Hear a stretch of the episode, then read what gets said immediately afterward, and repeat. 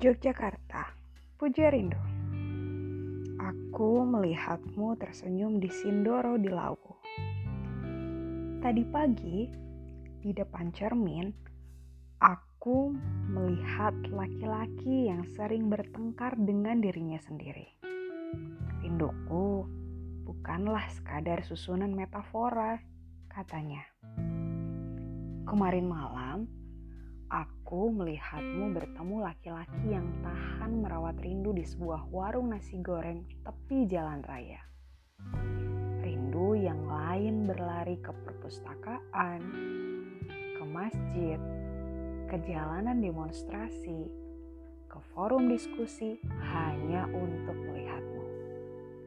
Pernah kuragukan segala apa yang terjadi selama empat hari kutelusuri ke dalam untuk memastikan kepadamu adalah hanya sepatah kata itu.